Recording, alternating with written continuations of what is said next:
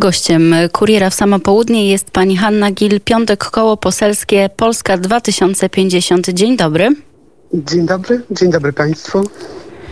Do Sejmu, w Sejmie wczoraj posłowie zdecydowali o tym, że projekt dotyczący, e, dotyczący ochrony granic zostanie przyjęty. Pani ugrupowanie zgłosiło 11 poprawek. Czego one dotyczyły? No właśnie, bo Polska 2050 już wcześniej, przed y, wprowadzeniem stanu wyjątkowego, mówiła, że istnieją narzędzia prawne, które pozwoliłyby nam na y, zastosowanie tam specjalnych wyjątkowych rozwiązań, bo też rozumiemy, y, że y, po prostu tam musi być kontrolowany dostęp na granicę. I nie byliśmy przeciwni y, temu, żeby w jakiś ustawowy sposób uregulować takie narzędzia, ale w tej ustawie o która jakby przedłuża stan wyjątkowy w sposób bezterminowy, no niemal niekontrolowany e, przez nikogo, no niestety nie mogliśmy się zgodzić na te rozwiązania, które tam wpisano. Dlatego też przynieśliśmy, no chcieliśmy pracować nad tą ustawą. Przede wszystkim gdyby te nasze poprawki zakładające różnego rodzaju bezpieczniki zostały przyjęte, pewnie mielibyśmy chęć poprzeć tą ustawę. Niestety nie dało się tego zrobić, dlatego dlatego że e, minister Wąsik, jak, który reprezentował e, stronę rządową, wszystkie te poprawki zarekomendował negatywnie. Te poprawki polegały między innymi na tym, żebyśmy jako Sejm, jako parlament mieli comiesięczną kontrolę nad tym, co się na granicy dzieje. Żeby tych rozwiązań jakby nie wprowadzać w sposób bezterminowy, tylko żeby te rozwiązania uzgadniać i to uzgadniać w Sejmie, na kiedy one są wprowadzone i żeby Sejm również je przedłużał. Również chcieliśmy uszczelnić tę ustawę, dlatego że tam ogólnie mówi się o granicy Schengen, a nie wspomina się o tym, że na przykład są przejścia graniczne na lotnisku na Okęciu, to jest największe chyba przejście osobowe, które również jest granicą Schengen, czy w, na przykład w Gdańsku, tak. Chcieliśmy, żeby ta ustawa dotyczyła naszej wschodniej granicy, tak jak to w założeniu miało być. Proponowaliśmy również zwiększenie do 80%, bo teraz jest 65% tych rekompensat, na które tak długo niestety czekali przedsiębiorcy z y, Podlasia i Lubelszczyzny, którzy są objęci strefą stanu wyjątkowego, bo jak ta sytuacja ma się przedłużać, no to raczej te 65% na krótko może wystarczy, ale na dłużej niestety spowoduje bankructwo ich interesów. I chcieliśmy też, y, żeby mm, nie było takiej możliwości, że komendant Straży Granicznej właściwie bez kryteriów odmawia komukolwiek, na przykład mediom czy organizacjom humanitarnym, y, możliwości wstępu tam, tylko żeby jakieś jednak kryteria były i żeby to podlegało również możliwości odwołania, czyli żebyśmy, jeżeli jesteśmy na przykład dziennikarzem, mogli zawnioskować o to do komendanta, czyli jest, jest to jak najbardziej pod kontrolą, ale jeżeli komendant odmawia, to wnosimy sprawę do sądu i sąd w ciągu w przyspieszonym trybie 24 godzin wydaje opinię, czy ta zgoda, czy niezgoda komendanta była y, zgodna z prawem, czy nie. Dlatego Wydaje mi się, że tego typu bezpieczniki nie zaszkodziłyby ogólnie jakby duchowi tej y, ustawy. Rząd miałby narzędzie do tego, żeby kontrolować granice i żeby prowadzić tam działania, które no, y, zabezpieczają po prostu integralność Rzeczpospolitej, bo do tego jesteśmy zobowiązani, a jednocześnie nie byłyby nadmiarowe i niekonstytucyjne. E, mówi Pani o zgłoszonych przez Państwo poprawkach, 11 poprawek, które nie zostały uwzględnione, ale czy faktycznie wspomina Pani o tym, że one nie naruszyłyby ducha tej ustawy, która została ostatecznie przyjęta, ale czy były rzeczywiście na tyle istotne, że w tak krytycznym punkcie, w krytycznym momencie nie tylko Państwo, ale też w ogóle część opozycji, między innymi Koalicja Obywatelska zdecydowały się y, nie zagłosować razem z, z rządem?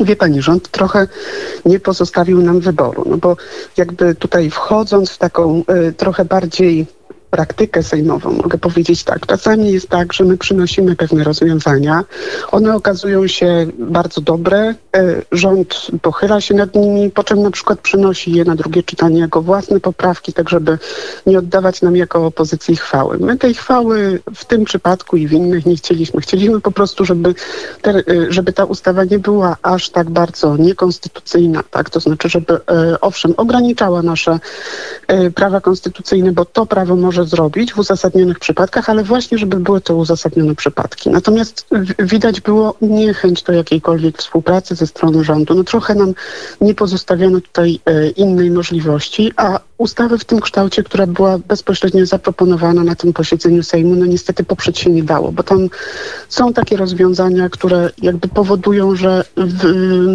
rząd dostaje narzędzia, które są nadmiarowe, naprawdę, bo to ja rozumiem, że sytuacja jest wyjątkowa, ale to nie znaczy, że pan minister Kamiński ma jednoosobowo zarządzać w tej chwili dużym e, obszarem Podlasia, Lube, Lubelszczyzny i jeszcze Podkarpacia, tak, bo to jest rozciągnięte na całą granicę a dodatkowo jeszcze na przykład e, wszystkimi innymi przejściami granicznymi, które są na lotniskach, na przykład w tym kraju. No, jest to de facto niezrozumiałe, dlaczego tak duże kompetencje i to bez żadnego nadzoru przyznajemy e, rządowi. To jest raz. Z drugiej strony też, i o tym bardzo rzadko się mówi, a na to zwrócił uwagę generał Różański, e, który współpracuje z Polską 2050, ta ustawa w wielu kwestiach zrzuca odpowiedzialność na komendanta Straży Granicznej. To znaczy on będzie swego rodzaju takim chłopcem do bicia, tak? To znaczy my mówimy w tej chwili, wyrażamy solidarność bardzo powszechnie ze służbami mundurowymi, ale jednak e,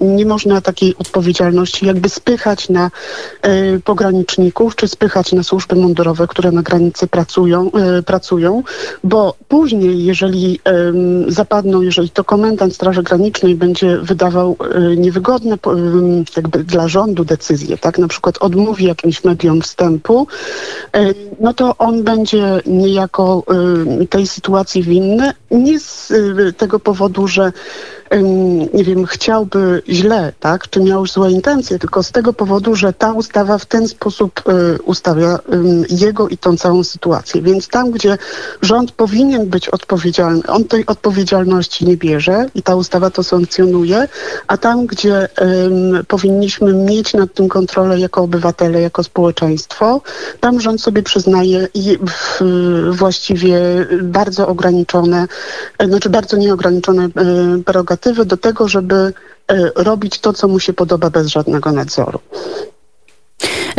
Polska 2050 y, także w kontekście prowadzonej przez Polskę dyploma, przez polską dyplomację e, prowadzonych przez nią działań wskazuje, że w, w zasadzie nie wykorzystuje e, wszystkich e, instrumentów. Między innymi Paweł Zalewski wskazywał na to, że tak naprawdę duża część tych, tych sankcji, które zostały ogłoszone, to i unijna inicjatywa. Jakich, jakie więc według Pani, według Państwa działania mm, powinny być realizowane przez polską stronę, żeby, mm, żeby zaniechać tej eskalacji i żeby uspokoić sytuację na polsko-białoruskiej granicy?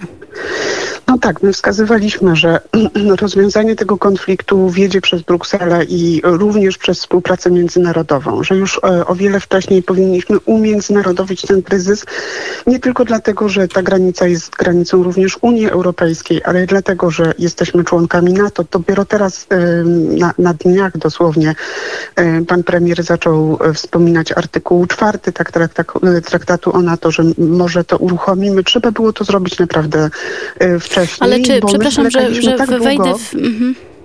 Wejdę na chwilkę. tak długo jako Polska, już, już dokończę, mhm. że e, w końcu niestety e, Zachód zaczął działać ponad naszymi głowami. Tak? To znaczy znaleźliśmy się w sytuacji, w której my jesteśmy skłóceni z innymi sąsiadami, nie tylko sąsiadami zresztą, ale z innymi państwami w całej Europie i mamy bardzo słabą pozycję na arenie międzynarodowej e, i to teraz powoduje, że mamy, że otwieramy front nie wschodni, tylko zachodni. To znaczy otwieramy front i to y, bardzo dobrze się dało wyczuć w y, tym twicie prezydenta Dudy, że wszelkie ustalenia on y, będzie kwestionował, które zapadają jakby ponad głową Polski. No, Polska powinna być od początku włączona, ale jakby rząd na własne życzenie nas z tych e, wszystkich rozmów niejako wyłączył, dlatego że cały czas upierał się przy tym, że my sami rozwiążemy ten kryzys, że sami uporamy się z tym konfliktem, że to będzie objaw słabości, sięganie po pomoc unijną czy natowską. E, To był zły kierunek. Cieszę się, że w tej chwili to się odwraca. Pytanie, pytanie o to, czy to rzeczywiście rząd sprawił, że, mm, że Zachód rozmawia ponad naszymi głowami. E, Pozostawiam otwarte, ponieważ zostało nam już tylko kilkadziesiąt sekund. Em, Gościem Kuriera w samo południe była pani Hanna Gil-Piątek, koło poselskie Polska 2050. Bardzo dziękuję za ten komentarz. Dziękuję bardzo i dziękuję Państwu.